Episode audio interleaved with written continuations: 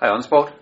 I dag der har vi, som I ved, været i Mexico og træne, og ja, det har ikke været sådan den fedeste træning. Vi havde rigtig god intensitet på, og det vi skulle, men undervejs der fandt vi nogle kaktusser, og de har nogle, øh, nogle spiselige bær, som vi tog, og de spiselige bær, de, øh, de var sådan øh, med torne over det hele, eller små pigge, som man ikke kunne se. Så vi fik først fat i dem bagefter, de smagte i øvrigt af ingenting. De smagte ikke dårligt, men de smagte af ingenting.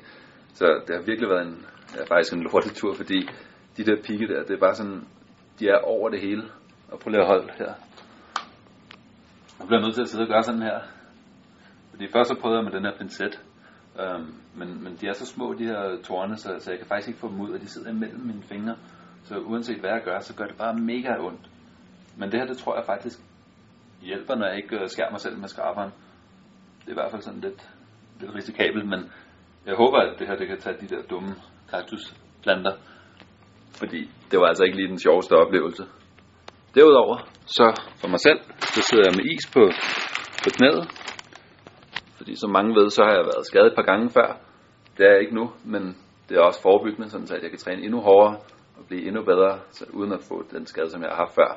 Så det er forebyggende, og det, er, det tror jeg virker rigtig godt.